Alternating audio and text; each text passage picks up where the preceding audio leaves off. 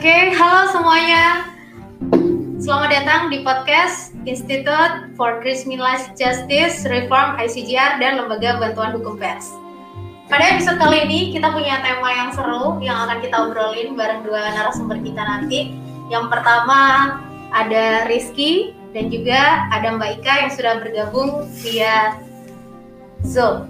Halo Mbak Ika, selamat sore. Halo, selamat sore Siska dan Mas Rizky. Apa kabar? Ya, terima kasih Mbak Ika waktunya sore hari ini. Kalau Rizky, sehat ya Rizky? Ya, sehat. Oke. Okay. nah, teman-teman, uh, di episode kali ini tema kita adalah refleksi perjalanan Undang-Undang ITE dalam demokrasi kebebasan pers dan media di Indonesia. Nanti kita akan banyak berbicara terkait apa saja sih hambatan dan tantangan Undang-Undang ITE atau mungkin ada banyak pasal-pasal karet yang selama ini digunakan untuk mengkriminalisasi atau apa aja yang sering kita dengar ini pasal karet untuk apa? Pasal karet ini sering menyerang siapa? Kita akan dengar dari dua narasumber kita sore hari ini. Oke okay, yang pertama karena ada dua narasumber saya mau tanya yang paling terdekat terlebih dahulu. Oke okay, Rizky kalau ngomongin soal undang-undang ITE kalau menurut Rizky undang-undang ITE itu seperti apa?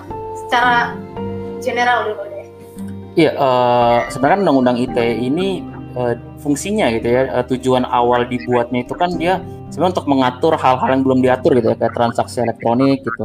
Terus uh, apa tentang informasi uh, elektronik dan sebagainya. Uh, perlindungan terkait data pribadi gitu. Namun uh, se apa uh, tujuan secara umum dari undang-undang ITE itu uh, terdapat juga beberapa ketentuan pasal-pasal uh, pemidanaan terhadap sebuah ekspresi gitu ya. Dan ini yang uh, yang saya lihat bahwa uh, keseluruhan atau tujuan utama dari undang-undang ITE sendiri secara sosial menjadi uh, ada satu sisi yang jadi bergeser gitu karena ya bisa dilihat gitu kayak uh, banyak orang yang uh, justru apa dikenakan gitu tentang pasal-pasal pemidanaan uh, di uh, undang undang-undang ITE ini gitu. Nah, ya, ini paling yang paling populer misalnya kayak pasal 27 ayat 3 tentang uh, pencemaran atau penghinaan nama baik gitu. Nah, jadi kalau kalau saya melihat sebenarnya dari undang-undang uh, UU secara umum ini uh, dia tujuannya yang seperti saya sampaikan tadi gitu ya tujuan untuk melindungi terkait transaksi elektronik. Namun karena ada ketentuan-ketentuan pemidanaan tersebut yang justru uh, jadi seakan-akan bergeser gitu jadi dari tujuan awal dibuat undang-undang ini. Kalau saya melihat secara umum gitu ini? Iya berbicara soal pemidanaan tadi. Ini memang pemidanaan ini bisa menurut dari sudut pandang Rizky sendiri memang itu bisa jadi rintangan sebuah pada kebebasan pers gitu? Iya, uh, ya pastinya uh, gini kebe kebebasan pers gitu. Pers itu kan dia kan eh, apa pengakuannya itu kan dilihat di undang undang-undang di konstitusi gitu ya, undang dasar terkait kebebasan menyatakan pendapat itu itu uh, itu jelas gitu. Setiap orang bebas menyatakan uh, pendapat gitu. Lalu uh, dari undang-undang itu uh, apa yang apa dari di, di dalam konstitusi tersebut bahkan pers punya undang-undang sendiri gitu, undang-undang pers gitu tahun 1999 di di sana di, di dalam undang-undang pers itu uh, diberi uh, pers diberikan tugas untuk uh, menyampai uh, untuk menyampaikan informasi salah satunya sebagai kontrol sosial juga gitu ya. Itu artinya pers memang dia uh, karena dia memiliki fungsi ya fungsi dan tugas di undang-undang pers maka uh, dia punya kebebasan dan dia dilindungi di undang-undang pers Nah, eh, ketentuan dan kebebasan pers itu sendiri diatur di sebuah undang-undang. Di sisi lain, ada undang-undang yang mengatur tentang pemidanan terhadap ekspresi di undang-undang eh, ITE, yang di mana catatan salah satu catatan merah yang paling sering ya kita dengar karena eh, di pasal di pasal tentang pemidanan ekspresi undang-undang ITE itu dia sangat eh, multitafsir dan tidak jelas eh, apa tidak jelas eh, daya ukur atau apa ukurannya gitu. Apakah sebuah ekspresi itu dinyatakan uh, dinyatakan penghinaan itu seperti apa? Ukurannya sangat subjektif dan multitafsir. Dan itu jadi ketidakpastian hukum. Dan itu membuka potensi uh, pers itu di, uh, di dilaporkan gitu ya dengan ala dengan tadi dengan alasan telah uh, apa yang dia sampaikan informasi yang disampaikan informasi yang dia liput itu uh, apa uh, ada unsur penghinaan di dalamnya nah ini kan jadi sebuah apa ketentuan yang saling bertolak belakang satu sama lainnya gitu. Pers uh, di satu sisi diberikan uh, fungsi dan tugas kebebasan dilindungi di satu sisi ada ketentuan yang bisa mempidana mereka uh, kapan pun gitu. Karena dalam situasi tadi ya sangat multitafsir dengan pasal. Itu bersatu pasal tuh yang pasal 27 ayat 3 gitu. Ya gitulah kira-kira. Oke nah ini udah seru banget. Nah ini kan memang di undang-undang ITE ini banyak banget jadi sorotan dan jika kalau pertanyaan saya kebebasan pers dan kebebasan berekspresi itu memiliki pembatasan memang uh, pemidanaan kepada ekspresi dalam UU ITE sendiri itu sesuai atau enggak sih? Iya, uh, jadi kalau memang berbicara kebebasan berekspresi itu kan memang dia erat kaitannya dengan sebagai bentuk sebuah hak asasi manusia gitu ya, yang di mana pengakuannya jelas di konstitusi di Undang-Undang 1945 satu sisi Indonesia juga meratifikasi banyak uh, kovenan internasional HAM gitu ya, uh, SIPOL, uh, kovenan sipil politik misalnya. Salah satunya menegaskan terkait kebebasan berekspresi. Kebebasan pers itu bagian dari kebebasan berekspresi itu sendiri. Nah, kalau ngomong berbicara soal pembatasan HAM, ya pembatasan HAM itu uh, memang kebebasan berekspresi salah satu bentuk uh, hak asasi yang bisa dibatasi ya dan pertanyaannya bagaimana proses, eh, bagaimana mekanisme pembatasan HAM agar tidak melanggar hak HAM itu sendiri gitu.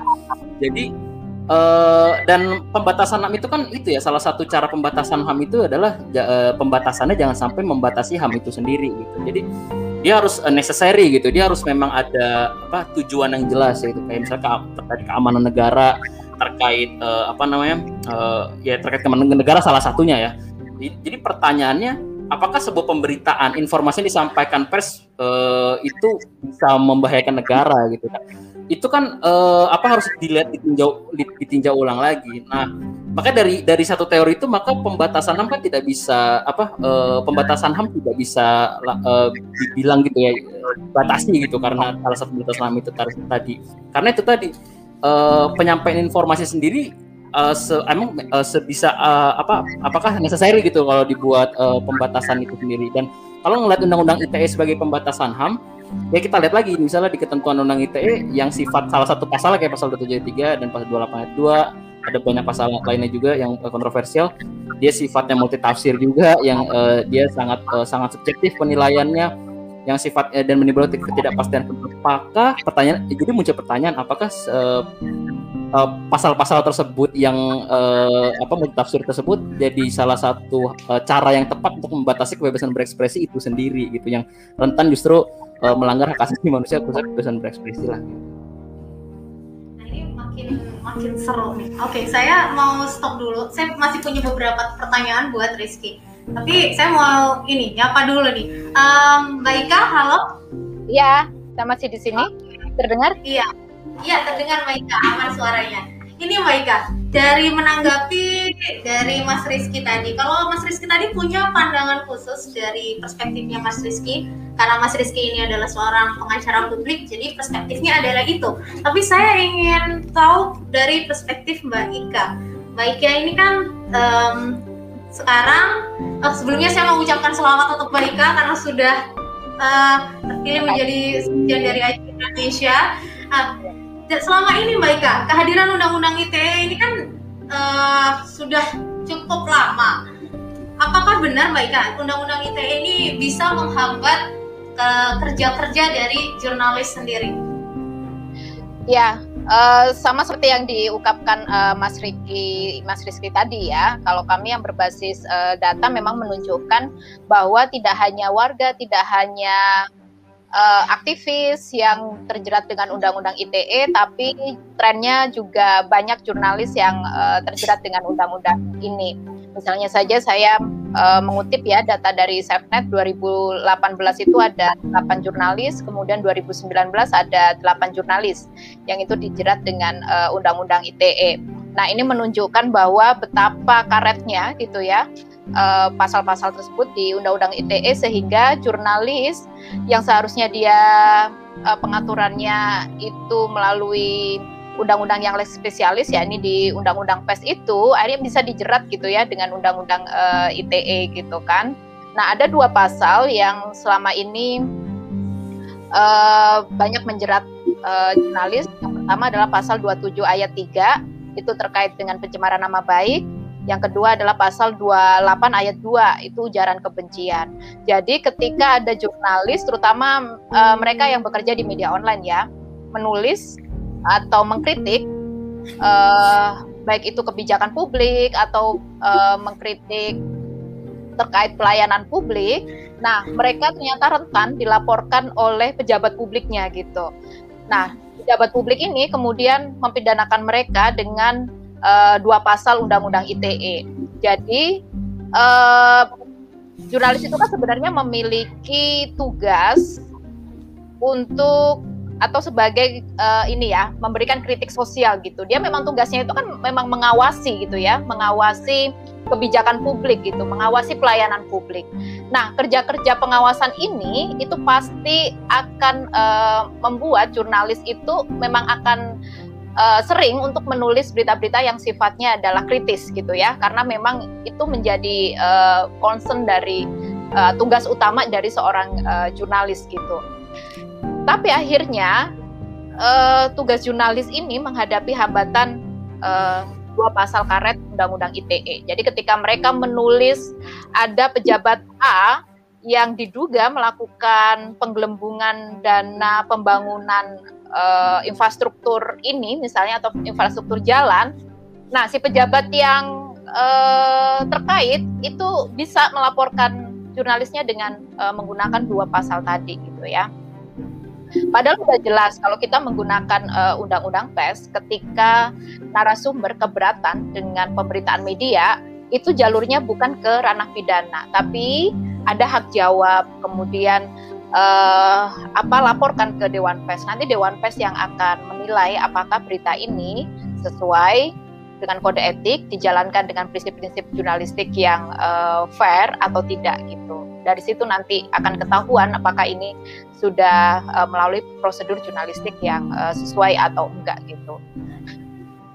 Ya, artinya uh, undang-undangnya sudah jelas, mekanismenya sudah jelas, tapi pada uh, pelaksanaan di bawah banyak jurnalis yang kena. Ini karena uh, ini ya rumusan rumusan dua pasal ini sangat karet gitu ya sehingga ini bisa di dikenain sama kawan-kawan jurnalis. Oke, okay. baik. Memang sama nih ya Mbak Ika dan juga Mas Rizky. Nah, Mbak Ika, kalau tadi sudah Mbak Ika sebutkan beberapa kasus atau kriminalisasi terhadap jurnalis yang banyak dialami, itu kira-kira ada dampaknya nggak Mbak kepada publik jika praktik kriminalisasi ini semakin terus-terus berlanjut? Oke, okay. um, publik itu uh, berhak untuk mendapatkan informasi gitu ya. Dan informasi yang didapatkan oleh publik jalan satu-satunya itu adalah melalui media gitu ya. Dan kerja-kerja media itu ditopang oleh kerja-kerja jurnalis yang uh, disyaratkan memang harus bebas gitu. Hanya dia nggak di, bisa dibatasi supaya jurnalis bisa uh, bekerja sebagai watchdog tadi ya, sebagai uh, apa pengawasan publik tadi. Nah, ketika jurnalisnya kemudian terancam dipidanakan dengan undang-undang ITE ini, artinya jurnalis akan takut gitu ya, takut untuk menulis kritis lagi gitu kan. Nah, uh, jurnalis juga tidak akan bisa untuk membongkar eh, hal-hal uh, yang ini penting bagi publik untuk diketahui gitu ya. Misalnya publik itu tidak akan pernah tahu misalnya ada uh, korupsi misalnya gitu ya. Karena itu kan membutuhkan proses-proses kerja-kerja jurnalisme investigasi misalnya gitu ya. Atau uh, publik juga pasti akan uh, kesulitan untuk melihat apakah penanganan pandemi ini sudah sudah bagus atau enggak gitu ya yang dilakukan oleh pemerintah Indonesia. Nah publik pasti terbatas untuk melakukan atau mengetahui informasi-informasi itu satu-satunya jalan untuk mengetahui uh, berbagai informasi yang yang dari dua arah, tidak hanya klaim uh, keberhasilan dari pemerintah, yaitu uh, melalui kerja-kerja jurnalistik ini. Dengan sendirinya, ketika jurnalisnya tidak bisa bekerja, dia takut karena diancam tadi dengan undang-undang ITE, akhirnya jurnalisnya ya tidak akan bisa memberikan informasi yang uh, maksimal, atau dia hanya sekedar menulis hal-hal yang uh, seneng-seneng aja, yang bagus-bagus saja gitu ya, yang positif-positif aja gitu. Nah, akhirnya masyarakat kan tidak akan bisa mendapatkan informasi secara utuh. Padahal informasi yang utuh, yang komprehensif itu menjadi salah satu syarat juga supaya publik bisa mengambil keputusan dalam hidupnya gitu ya. Misalnya keputusan untuk melakukan vaksin gitu ya. E, kemudian keputusan untuk dia memilih e, pemimpin misalnya gitu ya. E, atau uh, keputusan untuk dia uh, memilih pendidikan, um, mengakses layanan publik seperti kesehatan dan sebagainya gitu. Nah, jadi pasti publik yang akan dirugikan ketika jurnalisnya tidak uh, bisa bekerja atau bekerja dalam bayang-bayang uh, ancaman ini. Oke, baik. Berarti memang ini harus kita perjuangkan bersama-sama termasuk Mas Rizky ya, yang selalu membantu perjuangan para jurnalis. Saya pindah ke Mas Rizky sebentar ya Mbak Ika ya. Iya, silakan. Hmm, terima kasih Mbak Ika sebelumnya. Nanti kita akan lanjut lagi ngobrol bareng Mbak Ika. Ada beberapa poin yang mau saya tanyakan lagi. Sekarang kita pindah ke Mas Rizky lagi. Mas Rizky, selama sepanjang perjalanan, waduh sepanjang perjalanannya Mas Rizky sebagai pengacara publik ini pasti banyak sekali kasus-kasus yang sudah dibantu atau didampingi dari teman-teman jurnalis hmm. terkait undang-undang terkait undang-undang ITE ini ya pasal karet dan segala macamnya. Boleh cerita nggak salah satu kasus yang menurut Mas Rizky, waduh ini jangan sampai nih keulang lagi, gitu. meskipun banyak yang sudah terulang ya. Yeah. Oh, Oke, okay. mungkin yang paling ini, yang paling ini, yang paling berkesan gitu. Ya, uh, mungkin salah satu kasus yang belum lama ini terjadi di ke jurnalis ya. Hmm. Itu kan kasusnya yang apa menimpa uh, apa salah satu uh, wartawan di uh, Banjar Hits ya, uh, apa Mas Diananta. Jadi uh, Mas Diananta itu kebetulan dia uh, sedang meliput meliput pemberitaan dan uh, salah apa salah satu aktivitas peliputannya dia melakukan wawancara ke narasumber. Lalu uh, narasumbernya uh, lalu tidak uh, apa dibuatlah pemberitaan tersebut. Setelah pemberitaan uh, dibuat lalu uh, dia dilaporkan gitu ya dilaporkan pemberitaannya. Lalu uh, proses hukum berjalan. Uh, dia di uh, dia didakwa uh, apa uh, di, pertama diduga uh, beritanya itu um, mengandung uh, apa sara ya, mengandung sara di Undang-Undang ITE. Lalu uh, diadili di pengadilan dan diputus uh, bersalah dan dihukum uh, dihukum tiga bulan ya penjara tiga bulan.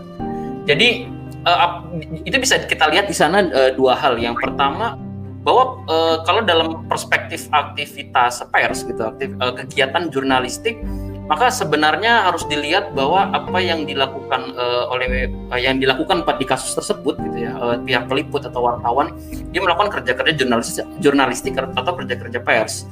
Sehingga yang tadi saya disampaikan sebelumnya juga bahwa apabila ada sebuah uh, apa apabila ada sebuah hal yang perlu ditinjau ulang dari hasil uh, apa dari hasil peliputan atau penulisan pemberitaan dari kerja-kerja pers tersebut maka dia harus diselesaikan uh, melalui sengketa di sengketa di dewan pers gitu uh, setiap keberatan.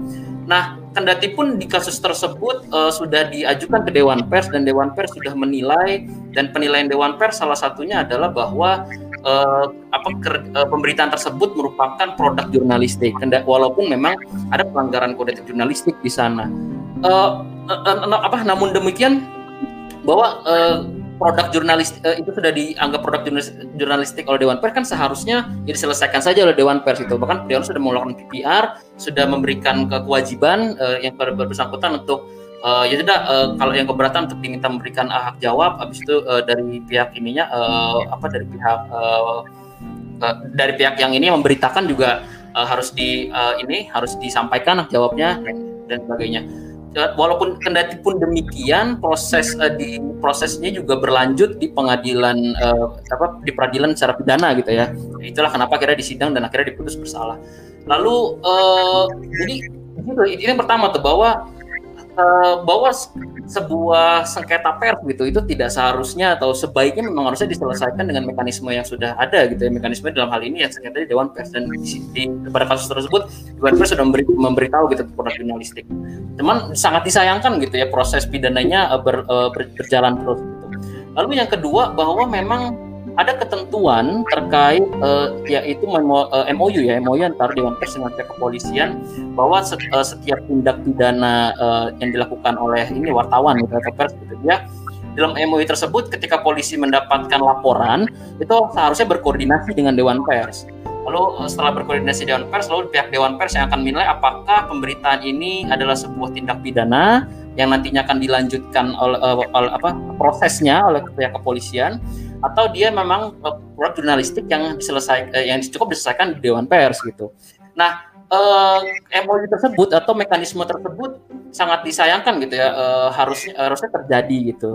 tidak uh, tidak apa tidak terjadi secara maksimal gitu ya itu tadi jadi uh, permasalahannya jadi itulah kenapa yang kasusnya akhirnya bergulir terus gitu dan yang ketiga ini kan jadi sebuah uh, jadi sebuah apa ya ini jadi sebuah pengalaman ya atau menjadi sebuah kejadian yang cukup membekas gitu ya. Jadi saya punya kekhawatiran ke depannya pers atau wartawan jadi uh, ada rasa takut gitu ya untuk uh, apa untuk melakukan peliputan secara faktual gitu. Kalau tadi kata Mbak Ika tadi uh, coba untuk uh, eh, apa lebih dia coba menggali di dalam gitu sebuah pemberitaan.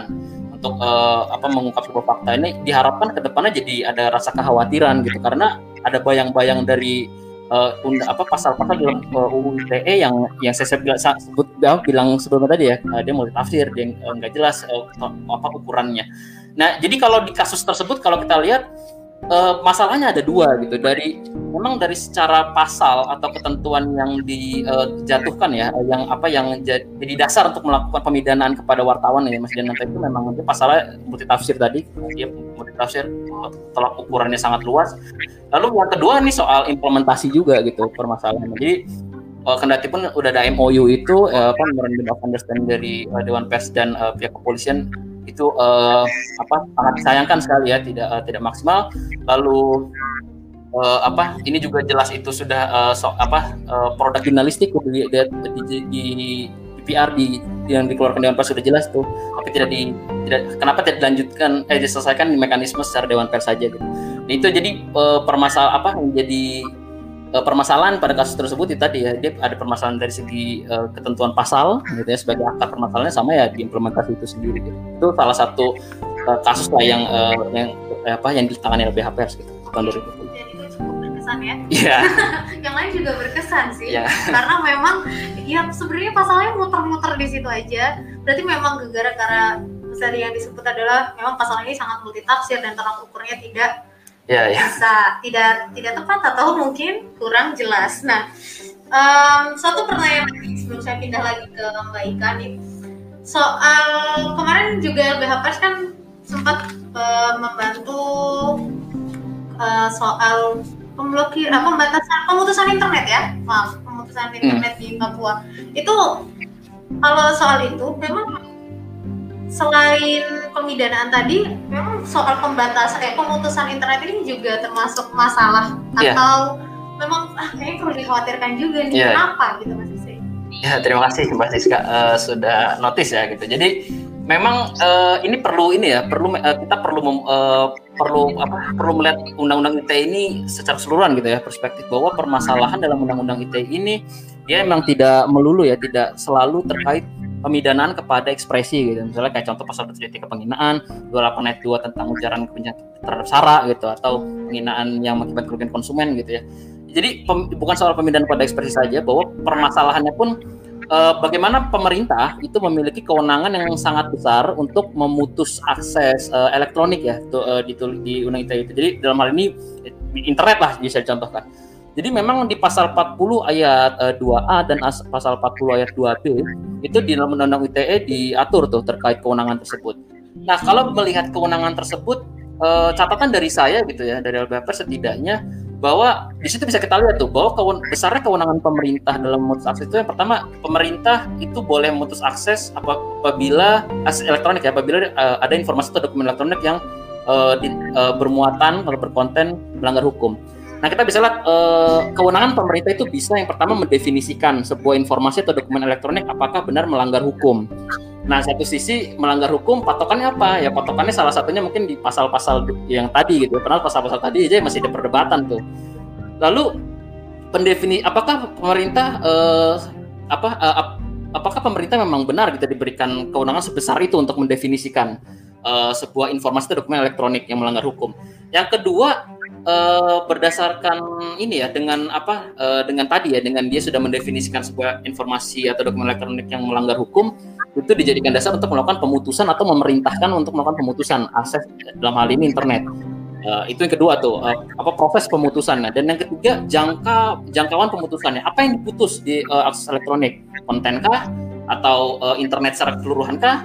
Atau keseluruhan uh, ya atau semuanya dalam jangka sebesar apa jangkanya? Jadi ada tiga pertanyaan gitu di kewenangan tersebut. Nah, kalau kita melihat gitu di kasus uh, pelambatan dan pemutusan akses internet di beberapa wilayah di Papua dan Papua Barat di tahun 2019 ya kalau 19 itu kita bisa uh, itu dijadikan dasar gitu pemerintah untuk uh, melakukan pemutusan akses dengan alasan uh, keamanan ya kayak penertiban lah itu uh, diputus aksesnya gitu agar uh, tidak tersebut apa dengan alasan uh, penertiban lah waktu itu isu-isu isu sara waktu itu. Tapi kan pertanyaannya uh, apakah jadi necessary gitu pemutusannya dilakukan secara cukup masif ya di beberapa wilayah gitu. Di hari pemutusan pelambatan dan pemutusan itu kan uh, bagaimana dengan bisnis yang dia core-nya memang membutuhkan akses internet misalnya kan pasti terganggu gitu.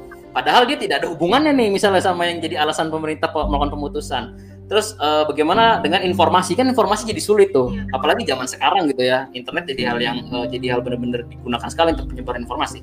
Nah sebenarnya intinya gitu, uh, itu catatan dari kami ya terkait kewenangan. Kami bisa memahami bahwa uh, internet atau akses elektronik itu memang penyebaran informasi ini sangat cepat dan kami bisa pahami ada beberapa informasi atau dokumen yang dia harus cepat take down.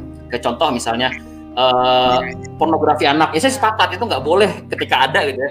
Nggak boleh uh, tersebar harus segera di take down itu juga. Tapi kan yang jadi pertanyaannya kewenangan uh, pemerintah yang saat ini apakah sudah sesuai dengan mekanisme due process of law gitu?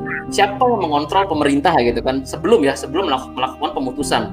Kalau saat ini kan diputus dulu kalau ada keberatan ya di ini baru di apa namanya diajukan mekanisme keberatan. Makanya itu dilakukan LBH persemankan ke PT UN ya cuman mekanisme peraknya gimana gitu eh, sebelum pemutusannya itu bagaimana mekanisme mekanisme apa ya terbuka pada pemerintah gitu bahwa uh, kita udah melakukan pemutusan ini alasannya sampai kapan pemutusannya kita nggak tahu gitu itu benar-benar uh, di kewenangan pemerintah sangat besar sekali di sana itu yang jadi concern kami lah terkait uh, kewenangan pemutusan di undang-undang ITE ini gitu. Oke oke.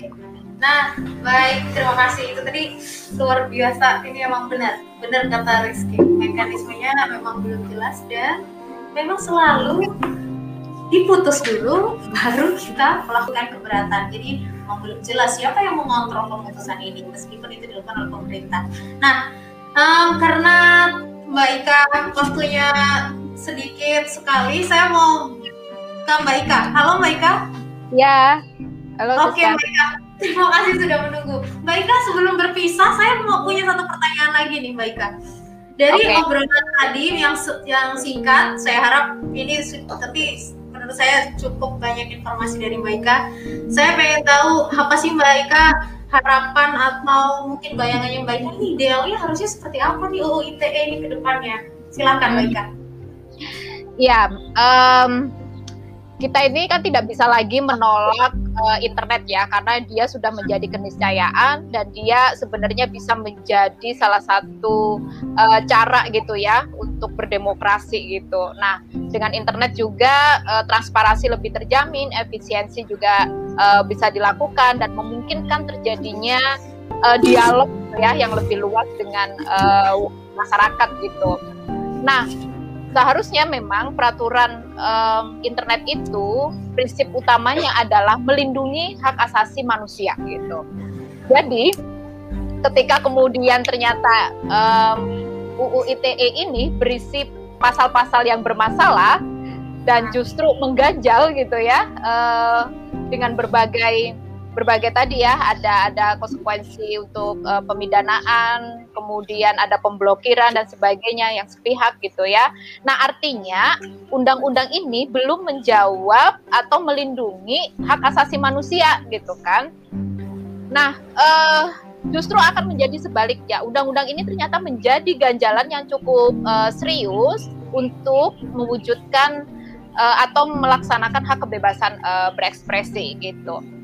Nah, um, artinya sekarang pemerintah juga harus harus lebih uh, serius gitu ya ketika kemudian mewacanakan uh, untuk untuk merevisi ya seharusnya upayanya menjadi lebih serius gitu ya untuk membawa ini uh, sampai kepada revisi gitu kan. Karena tadi sama Mas Rizky sudah dijelaskan uh, ada masalah-masalah uh, dalam pasal-pasal karet ini terjadi duplikasi gitu ya dengan uh, beberapa undang-undang yang lain misalnya di KUHP, di Undang-Undang Perlindungan Konsumen kemudian di Undang-Undang 146 dan beberapa uh, peraturan lain, kemudian terjadi overkriminalisasi dan sebagainya. Ini kan akhirnya menciptakan uh, ketidakpastian hukum gitu ya. Masa satu satu um, apa kejahatan begitu diatur oleh dua undang-undang gitu kan. Nah, yang harus kita lihat lagi sebenarnya pada tahun 2012 PBB itu sudah jelas menyatakan bahwa uh, hak kebebasan berekspresi di online itu harus sama perlindungannya dengan uh, kebebasan berekspresi di offline gitu. Jadi apa? Jadi pemerintah uh, harusnya gitu ya memberikan pelindungan terhadap mereka yang berekspresi gitu ya menggunakan uh, internet sama dengan bagaimana memberikan pelindungan uh, ekspresi di ranah offline. Nah, tapi kenyataannya dengan melihat uh, apa beberapa pasal karet di Undang-Undang ITE ini itu kan akhirnya sudah tidak ada perlindungan dan itu terjadi overkriminalisasi gitu ya. Akhirnya lebih berat gitu kan. Kenapa kemudian uh, pasal pencemaran nama baik yang sebenarnya ini adalah bentuk uh, pidana konvensional gitu ya. Artinya sebelum internet itu kan sebenarnya sudah ada gitu ya, meskipun masih menimbulkan kontroversi itu sampai hari ini. Nah di di KUHP itu 9 bulan pidananya, tapi kenapa kemudian di internet menjadi uh, tahun gitu ya kalau hasil revisi 2016 gitu kan? Nah, e, artinya ada pengaturan yang memang overkriminalisasi ini dan dampaknya itu sangat serius terhadap korban gitu. Karena ketika berbicara e, pidana gitu ya, ada orang yang ditahan itu bukan sekedar aspek hukum, tapi aspek psikologisnya, dampak sosialnya, dampak terhadap ekonomi keluarga mereka itu luar biasa banget. Dan selama ini mereka nggak nggak diperhatikan gitu ya dampak-dampak e, sosial dan psikologis ini oleh negara gitu. Nggak ada yang mau mau mengganti atau memperhatikan atau kan um, apa menjamin begitu itu nggak ada gitu. Jadi korban ini korban undang-undang ITE ini itu selalu mengalami um, apa menjadi korban kesekian kalinya gitu ya. Um, korban atas atas apa dampak psikologis yang harus mereka terima hubungan di keluarga yang menjadi retak begitu ya. Nah jadi sebenarnya sudah nggak ada alasan lagi gitu ya untuk tidak melakukan uh, revisi gitu terhadap eh, undang-undang ITE. Uh, sekarang kita melihat bahwa indeks demokrasi di Indonesia itu uh, memburuk gitu ya, bahkan lebih parah daripada 20 tahun lalu. Yang salah satunya itu disumbang gitu ya dengan dengan dampak-dampak dari pasal karet undang undang-undang ITE ini. Termasuk juga ketika kita berbicara demokrasi, salah satu instrumen yang penting di situ adalah menjamin kebebasan pers. Tidak ada e, negara demokrasi tanpa dia menjamin dan memberikan perlindungan terhadap kebebasan pers. Kak Siska. Terima kasih Kak Siska. Baik, terima kasih Mbak Ika. Luar biasa banget. Semoga ini eh, harapan-harapan uh, dan tadi sedikit hal-hal yang menjadi PR bisa menjadi perhatian ketika nanti ya. ini kita up ke publik. Oke, okay. Mbak Ika terima kasih untuk waktunya. Maaf ya, tidak bisa berlama-lama ternyata. Oke, okay, gak apa-apa. Terima okay. kasih banyak. Semoga sehat selalu. Terima ya. kasih juga Rizka dan teman-teman di LBHPS, Mas Rizky. Selamat sore, terima kasih. Selamat sore, sampai jumpa. Jumpa lagi. Oke, okay. okay, kita lanjut dulu nih, Rizky. Um, tadi Mbak sudah menyampaikan harapannya dan uh, menggambarkan bagaimana seharusnya yang ideal.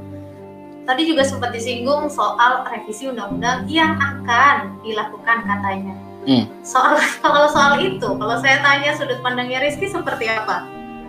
Ya. Soal revisi yang katanya akan direvisi ini undang-undang ini seperti apa? Iya, kalau uh, berbicara soal revisi itu kan uh, ini ya itu salah. Uh, jadi untuk bisa melakukan revisi se dalam sebuah undang-undang itu kan dia perlu uh, banyak proses yang harus dilalui gitu ya. Dan kalau kita melihat uh, itu dan itu juga sangat uh, kenta, uh, apa itu juga memerlukan keinginan politik juga ya terkait uh, revisi. Ter, uh, tapi saya sih sebenarnya uh, ada di posisi bahwa memang di ketentuan pasal-pasal di dalam undang-undang ITE yang tadi di, bermasalah, saya sepakat untuk memang harus uh, direvisi gitu ya bahkan ada yang bilang uh, ya direvisi gitu. Beberapa bahkan harus dicabut gitu ya mungkin.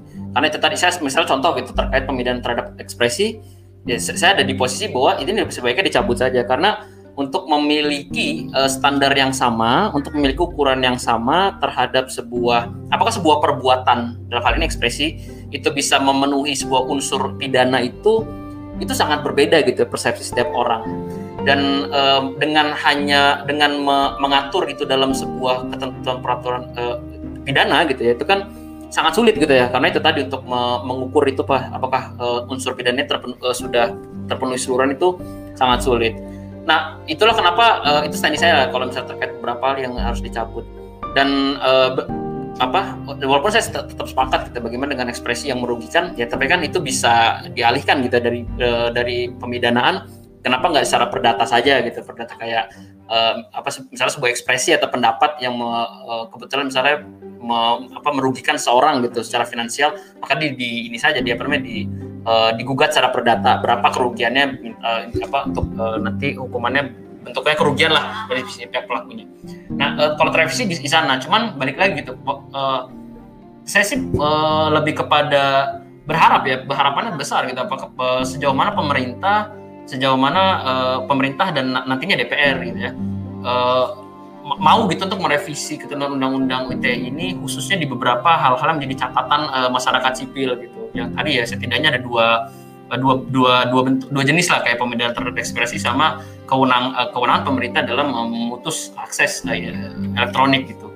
Nah kalau misal kalau ngeliat dari revisi itu tadi ya jadi uh, pandangan saya uh, seperti itu terkait revisi dan harapannya pada pemerintah sebenarnya uh, di situ. Kendati pun bahwa kalau kita melihat revisi undang-undang ITE ini nggak boleh jangan sampai dalam tanda kutip ya jangan sampai terjebak pada satu undang-undang ITE ini. Bahwa ketentuan pemidanaan terhadap ekspresi itu tidak hanya diatur di undang-undang ITE dia diatur juga di misalnya di KUHP gitu. Kita ambil contoh pasal 156A tentang penodaan agama bagaimana mengukur uh, sebuah perbuatan, sebuah ekspresi itu sebagai sebuah penodaan agama. Balik lagi itu jadi subjektif.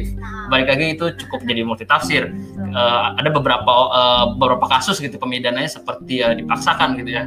Karena itu tadi. Nah, misalnya ada di pasal 14 pasal 15 di Undang-Undang Peraturan Hukum Pidana tentang menyebarkan berita bohong yang mengakibatkan uh, ini apa?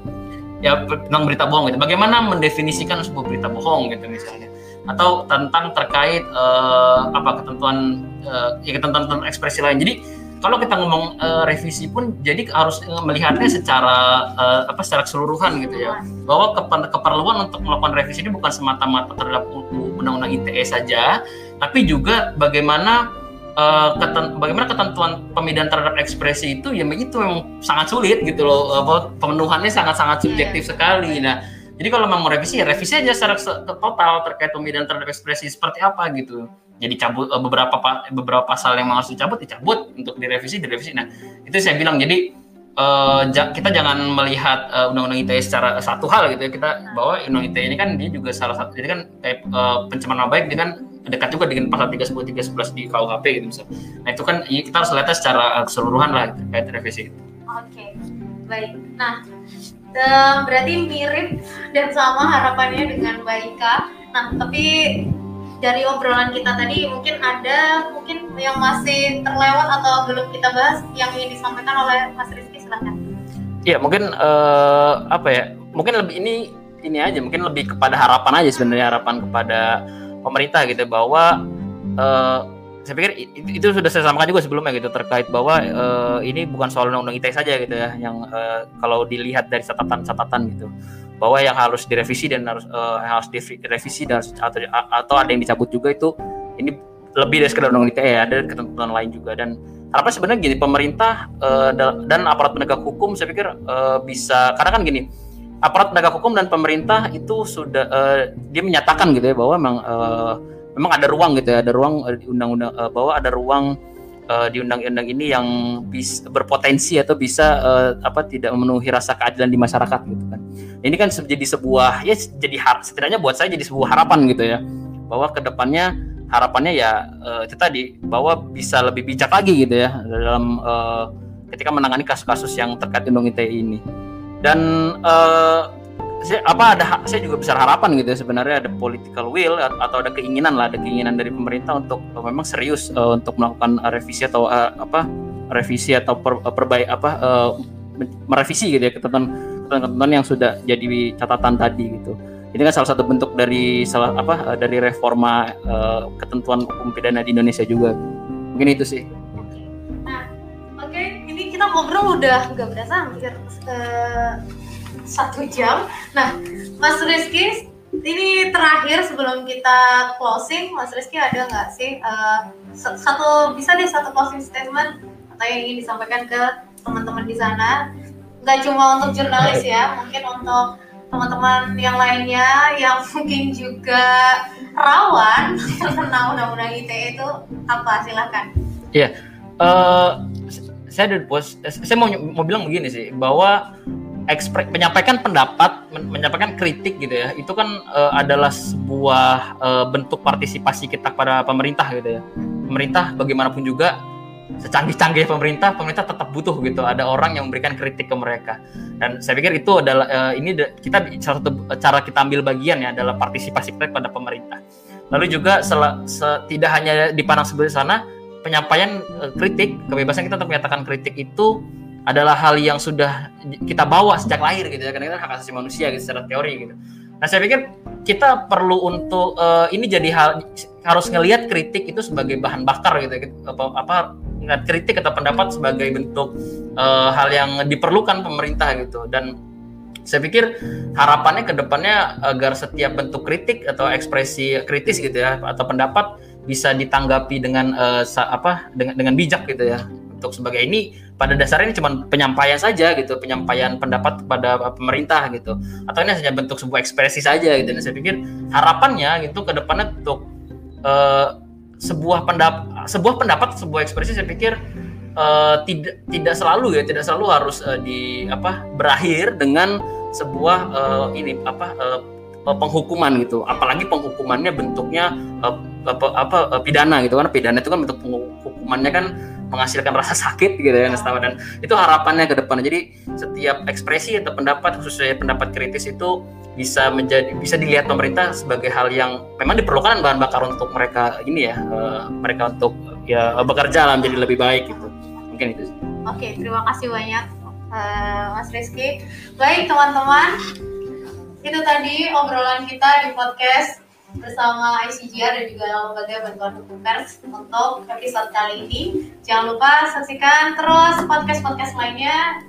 Dan untuk sore hari ini saya akhiri.